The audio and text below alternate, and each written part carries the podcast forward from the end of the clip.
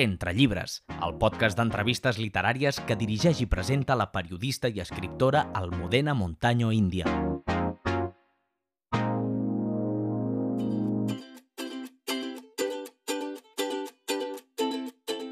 Heu practicat ioga alguna vegada? Coneixeu els seus beneficis físics i psicològics?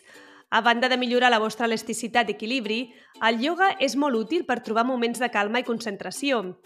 Al capítol d'Entre llibres d'avui en parlarem del ioga amb una experta, la Dolors Garcia de Besa, a motiu de la publicació del seu llibre El ioga a l'escola. És un llibre molt complet i útil tant a nivell individual com per a famílies i docents. En ell explica com aplicar-lo i els beneficis que s'obtenen del ioga. Li preguntaré quines tècniques ha utilitzat per escriure aquest llibre al taller d'escriptura. També us llegiré un fragment de l'obra per conèixer com escriu. Ens recomanarà un llibre i ens endinsarem en el meravellós món del ioga. Voleu saber més sobre aquesta pràctica mil·lenària? Doncs escolteu atentament l'entrevista. Benvinguts a Entre Llibres. L'entrevista.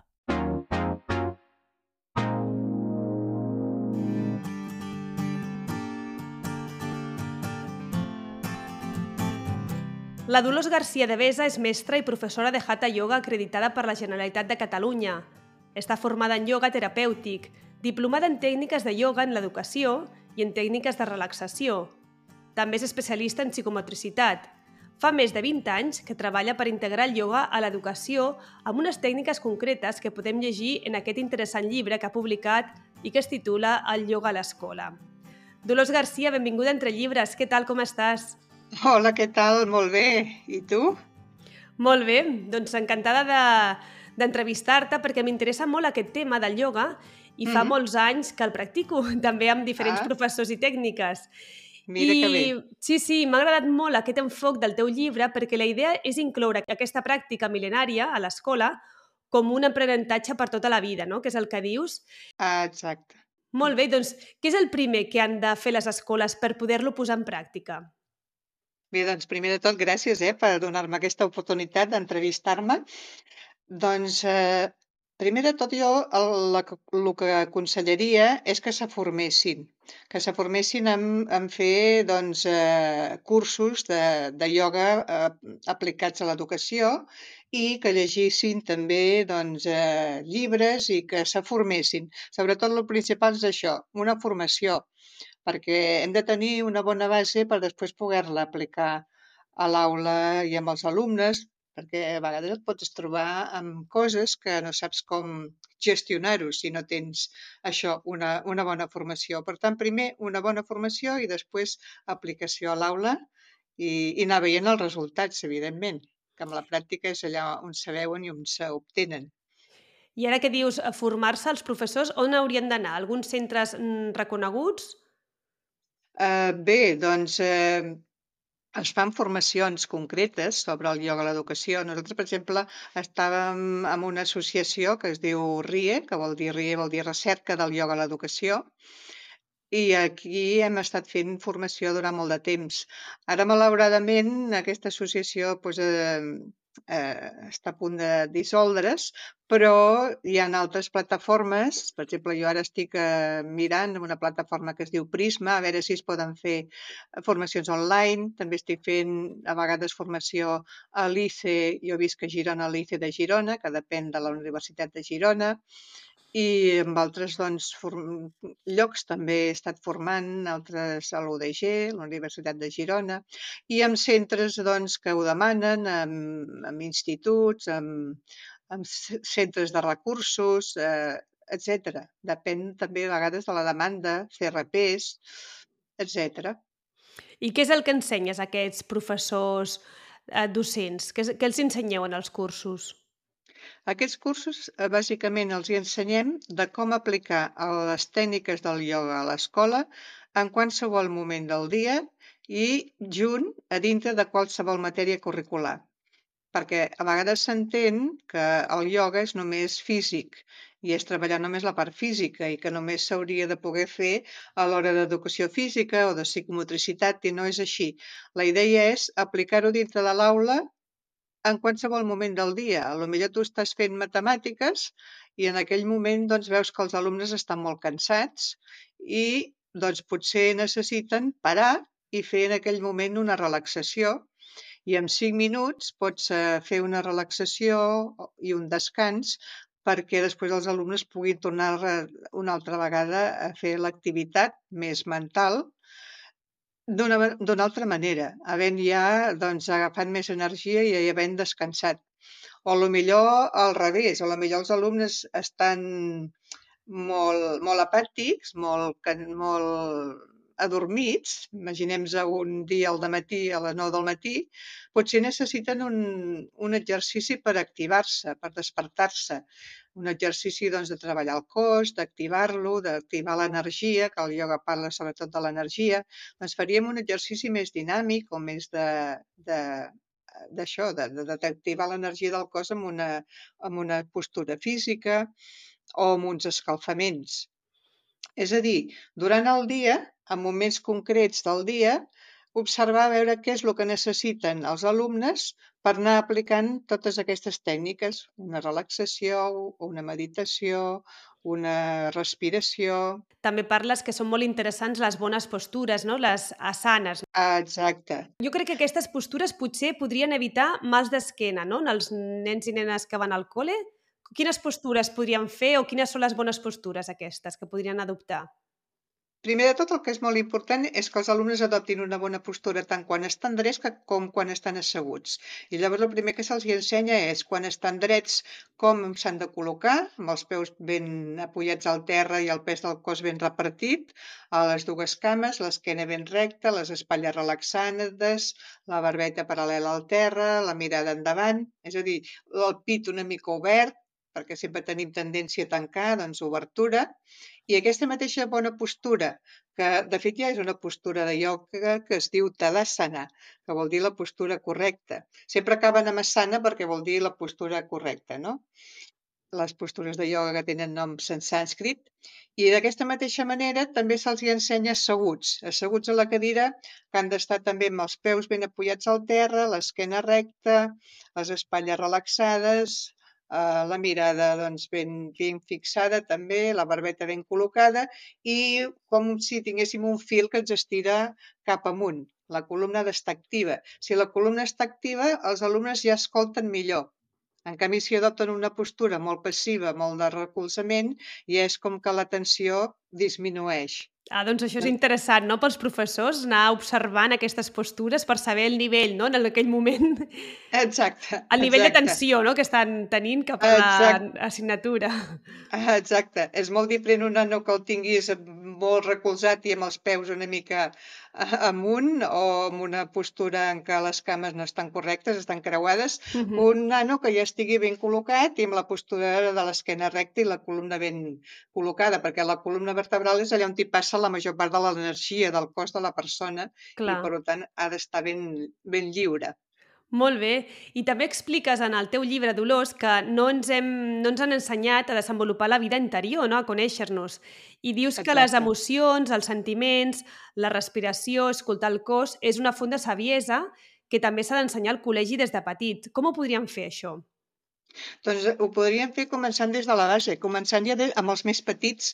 Jo, per exemple, he fet, per exemple, he, he treballat a l'escola amb nens eh, a educació infantil, a infantil, i a partir de 3 anys ja, ja es comença a ensenyar-los, primer de tot, a mocar-se bé, i després uh -huh. a respirar bé, a respirar i en forma de joc, inflant globus, explicant un conte, fent bombolles de sabó, començar a prendre consciència de la seva respiració i de la manera en què podem respirar, no? Posant les manetes al ventre i observant el moviment del ventre com puja i baixa. Aquests serien els primers exercicis bàsics que podrien començar amb nens petits en forma de joc. Però ja en el cinema introduint cap a aquesta consciència del cos, de la respiració, i observar també com estem, les emocions, com ens sentim i a partir d'aquí, a mesura que van creixent, anem augmentant una mica més la, la dificultat, diguéssim, anem introduint més, més respiracions, més exercicis físics, més postures, les anem adaptant a les edats de, dels infants, dels nens i a més a més després, doncs, a mesura que van creixent, doncs anem augmentant la dificultat, no? Fins a arribar a postures doncs, ja més concretes, que els poden fer doncs, a partir a millor de, de 8, 9 anys, 10 anys, Uh -huh. Algunes respiracions, com que encara els pulmons no estan formats a edats més petites, encara no es poden fer, es poden fer a partir de 10, 12 anys. Algunes postures també mm, s'han de vigilar, també els eixos del nen i el creixement del nen, i les hem de fer d'una forma més suau. A lo millor les podem fer també asseguts a la cadira i adaptar-les, adaptar aquella postura que és bàsica del ioga i després fer-la una adaptació a l'aula asseguts a la cadira. Uh -huh. I els docents és molt important que primer sàpiguen d'on ve la font d'aquella asana, d'aquella postura, per després poder fer aquella adaptació. Molt I saber bé. què, saber què és el que treballem. Uh -huh. I llavors també comentes a, en el llibre que si creixem per dins i per fora, aquest equilibri ens permetrà sentir-nos més segurs i amb bona autoestima, sobretot els nens, no? Uh, potser seríem més feliços, Dolors, si, si agaféssim aquesta autoestima gràcies al ioga? Sí, perquè és molt important conèixer-nos nosaltres mateixos, saber com ens sentim, saber com estem, saber, doncs, tot això és una font de saviesa, perquè amb la respiració podem saber si estem bé o estem nerviosos. Amb la manera en què ens sentim amb el cos, també podem tenir un coneixement de nosaltres mateixos. Tot això ens ajuda a saber doncs, què és el que volem, a ser més conscients i aquesta consciència ens ajudarà doncs, a estar més bé primer amb nosaltres mateixos i després amb els altres. I aquí evitaríem a vegades, si treballéssim molt la part d'autoconeixement i l'energia del cos poder-la anar distribuint o poder-la anar alliberant, ens ajudaria moltes vegades a evitar conflictes, a evitar problemes doncs, d'emocions doncs, fortes, a saber-les gestionar més bé. I això ens ajudarà doncs, a estar més bé amb nosaltres, a estar més bé amb el nostre entorn i evitar moltes vegades això que te deia, conflictes a l'aula i en altres àmbits. Molt bé, doncs aprofitem que, que tenim aquí una experta en el ioga perquè potser els oients que ens estan escoltant ara mateix volen practicar-ho i posar-ho ja en pràctica tot això que estàs explicant i tot i que sabem que és una tècnica que s'ha de treballar molt i amb el temps, a veure si ens podries donar tres consells, jo et diré tres moments diferents, aviam per un nen quina postura o quina tècnica podríem utilitzar per exemple, abans d'un examen, què podríem fer perquè un nen es tranquil·litzés? Alguna postura del ioga, una respiració, què seria convenient? Doncs mira, abans d'un examen jo potser aconsellaria fer una visualització.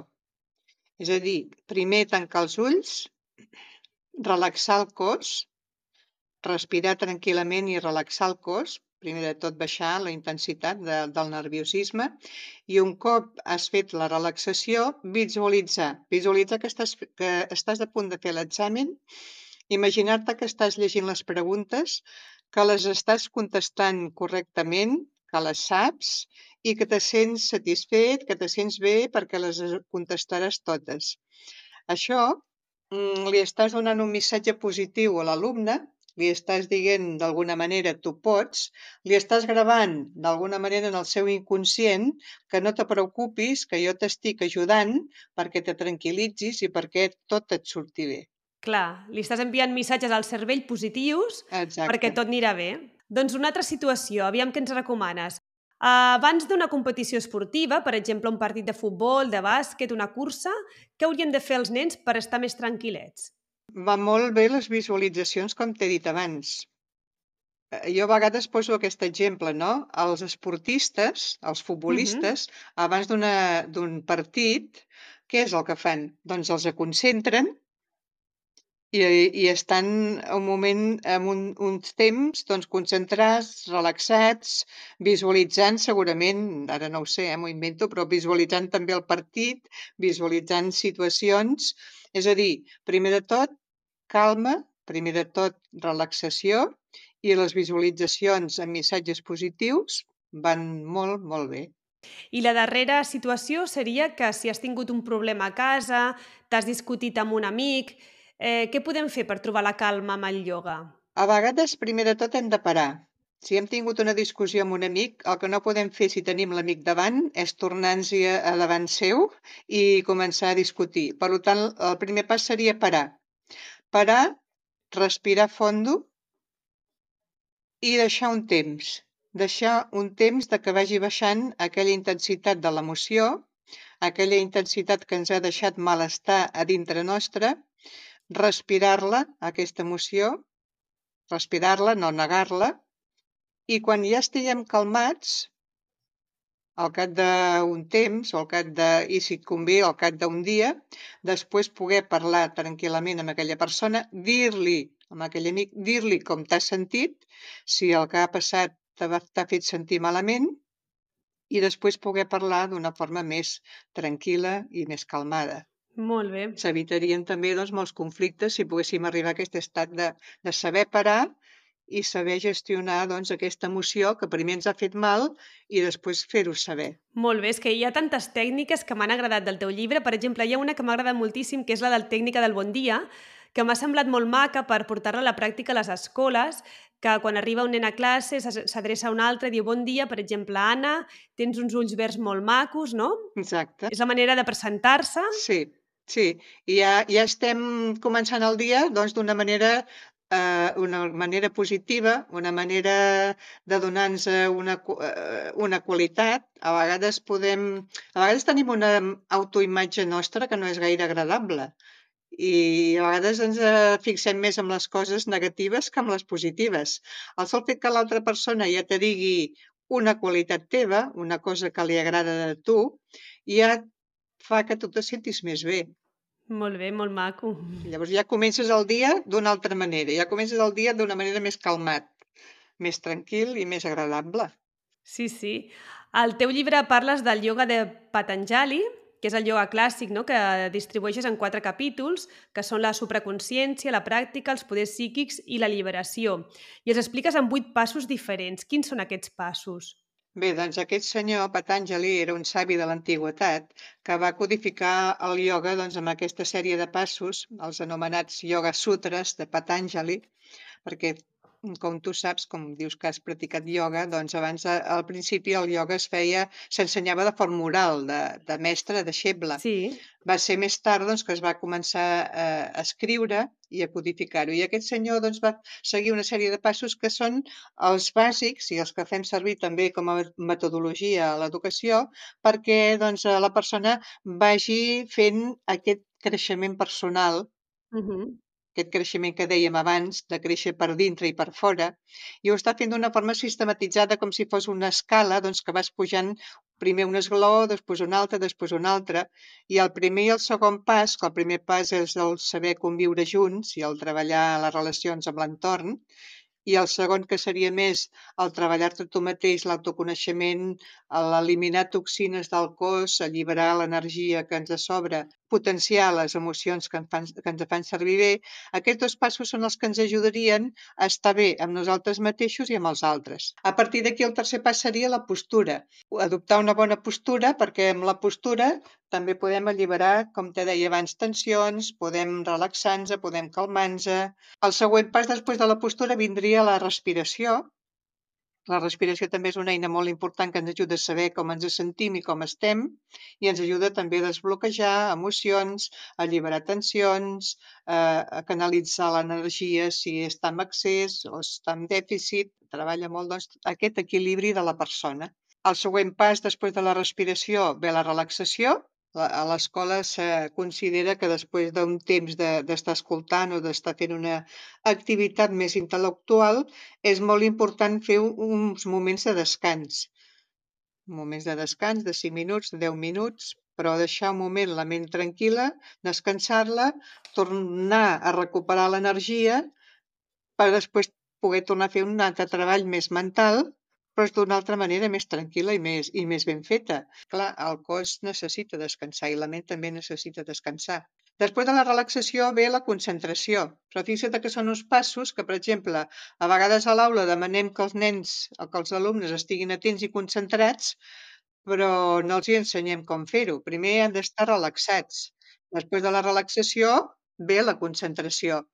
Concentrar-nos en un punt, saber com ho podem fer perquè l'alumne doncs, no es distregui, per concentrar aquesta energia, doncs hi ha tota una sèrie d'exercicis mm, mm, previs que ens ajuden doncs, això, a estar atents i concentrats en una sola cosa. Uh -huh. I l'últim pas de tots és la meditació.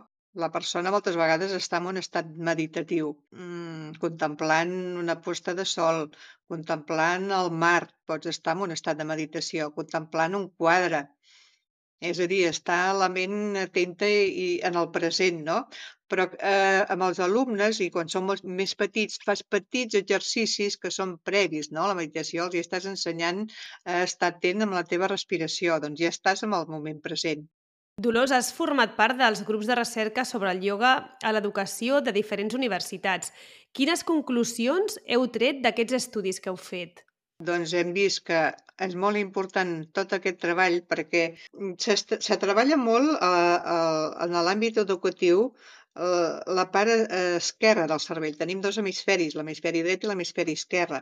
L'hemisferi esquerre és més analític, és més, més, més concret, no? més, més l'escriptura, les matemàtiques, és més analític. I en canvi, moltes vegades s'ha deixat de banda l'hemisferi dret, que és més global, més holístic. Totes aquestes tècniques de ioga entraria més en aquesta part de l'hemisferi dret. La, la, la part aquesta en què treballes més el cos, en què treballes les visualitzacions, en què treballes la relaxació, tot això formaria part d'aquest hemisferi. Llavors, l'equilibri dels dos hemisferis, que estan connectats però que a vegades pot predominar més un que l'altre, és el que fa que la persona després estigui més, més bé amb ella mateixa i pugui aprendre més bé i llavors aquests resultats es noten amb la manera de fer, amb la manera d'actuar, amb la manera de memoritzar, amb la manera d'aprendre. Uh -huh. I- Incideix en, en tots els aspectes de la persona, tant l'intel·lectual com, com, com el físic, com l'emocional i la part espiritual per anar evolucionant com, com a persones. Molt bé, és que és una pràctica que té, segons deies en el llibre, més de 5.000 anys. Doncs sí, clar, eh, és milionari. I el bo de, del cas és que ara, a través de la neurociència, s'estan descobrint moltes coses que ja els antics ioguis ho havien descobert abans, perquè la, el ioga és una ciència de l'experiència. Uh -huh. És que és la pura experiència, no? A través de l'experiència és com es van formar les postures de ioga, els pranayamas, que és la respiració i les tècniques de, de respiració.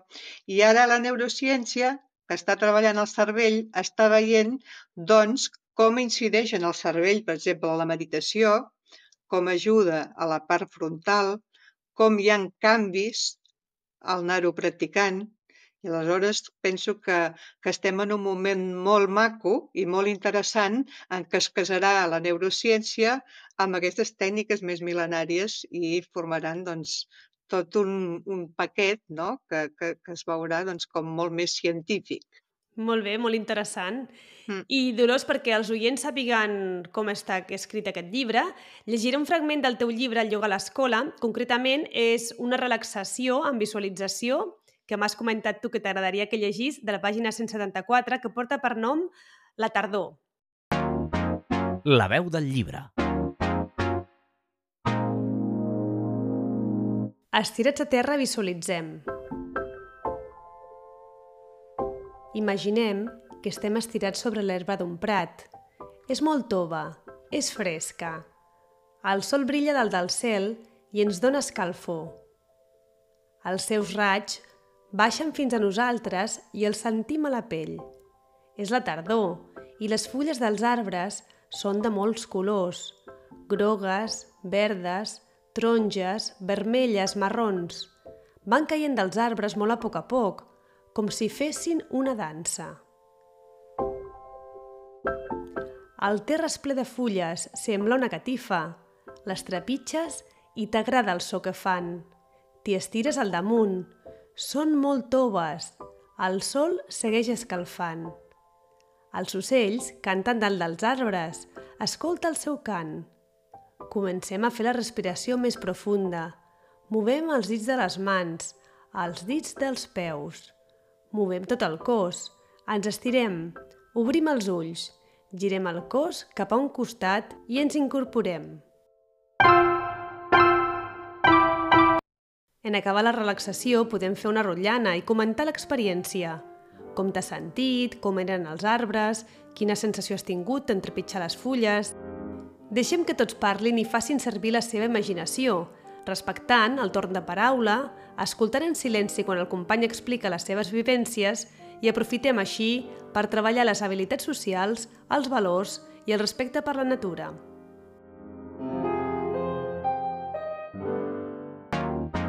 Novetats literàries.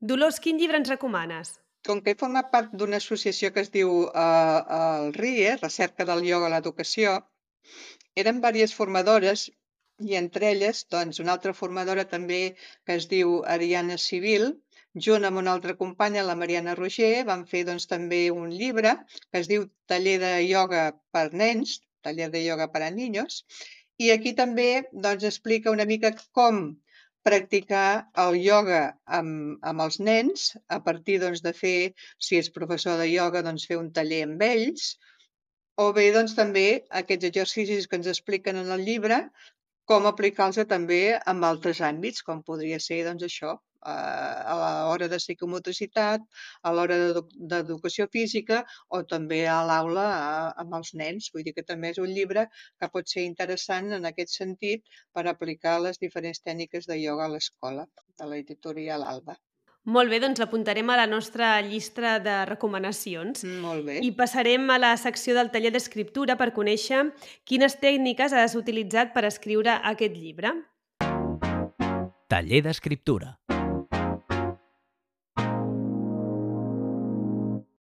Has escrit aquest llibre directament a l'ordinador o en paper? Directament a l'ordinador. I a quina hora del dia l'has escrit? En diferents horaris. A vegades al matí, a vegades eh, més a la tarda. No hi ha hagut un horari concret. Molt bé. I t'has fet molts esquemes abans d'escriure o t'has posat ràpidament a escriure directament a l'ordinador? Mm, m'he anat fent esquemes, m'he anat fent preparacions, he anat apuntant doncs, títols de com podia anar encasillat. També tenia doncs, bueno, una persona que també que m'ajudava doncs, una mica i, i bé, doncs, eh, després dels esquemes doncs, el que feia era anar-ho escrivint a l'ordinador i evidentment anar-ho retocant. Molt bé. I quant de temps has trigat aproximadament en escriure'l? Un any. I quantes vegades llegeixes el que has escrit fins a aconseguir la versió definitiva? Quantes vegades has, has llegit cada pàgina? Un piló i mig. Sí, és normal, eh? Sí, no sé si li passa a tothom, però sóc una persona que cada vegada que llegeixo canvio coses. I arriba un punt que dius, prou, plego. Qui llegeix els teus textos abans de publicar-los? Sí, eh, primer tenia tenia una tutora que, que m'anava pues, en, guiant una mica doncs, eh, com, com posar-ho en el llibre. Després també a nivell familiar tenia la família que, que m'ajudava, doncs, eh, bueno, me criticaves o, o me, me deia què és el que canviaria o què és el que li semblava més bé. En fi, sempre demanes opinió amb algú o l'altre que perquè t'ajudi. Sempre va haver una opinió d'una altra persona. Molt bé, i per escriure, mm, t'ha ensenyat algú? Has après en algun lloc a escriure? Doncs eh, aquí no, aquí vaig anar seguint i llegint molts llibres de ioga de, de, diferents, de diferents parts, sobretot la part de la, de la teoria, he llegit molt, la teoria del ioga és, és bastant densa i una de les coses, per exemple, que, que em va costar més a l'hora d'escriure el llibre va ser això, com fer-ho més fàcil perquè gent que no ha fet mai ioga pugui entendre-ho Uh -huh. d'una manera, manera més, més assequible, no? més, més fàcil. Aquesta és la, la part que me va costar una mica més doncs, de poder-ho fer això, més assequible a tothom. I en quant a, a l'altre, doncs, amb, amb la pràctica de, eh, que he fet jo a l'aula i amb la pràctica doncs, de, de, de tallers i de cursos, vaig anar-ho desenvolupant, sobretot a través de l'experiència i d'una llicència d'estudis que vaig fer també durant un any, que vaig portar-ho a la pràctica a diferents escoles de Girona, que s'hi van implicar en aquest projecte 40 mestres i, i que, eh, jo hi anava doncs, a fer-los unes pràctiques, ells ho practicaven a l'aula amb els alumnes, miràvem com funcionava, com havia anat, i va ser tot un curs que vaig dedicar-ho doncs, a això, ensenyar-ho a diferents mestres, els mestres ensenyar-ho als alumnes i a veure doncs, quins eren els resultats.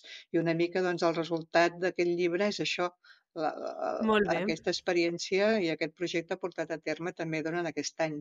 Clar, també està molt bé aquest llibre perquè eh, hi ha cada, cada postura, Sí, cada asana, eh, l'identifiques amb un nom, un títol i una fotografia i l'explicació. Llavors, els alumnes eh, ho poden fer amb el professor sí, i està molt ben explicat perquè és fàcil, no? Podrien dir, per exemple, avui fem aquesta postura, no? Cada dia fer-ne una. exacte. I a vegades són els mateixos alumnes que els hi deixes triar avui quina postura fem abans de començar. I ells mateixos de dir, va, Ah. avui fem la postura de l'arbre, avui m'agradaria fer el triangle.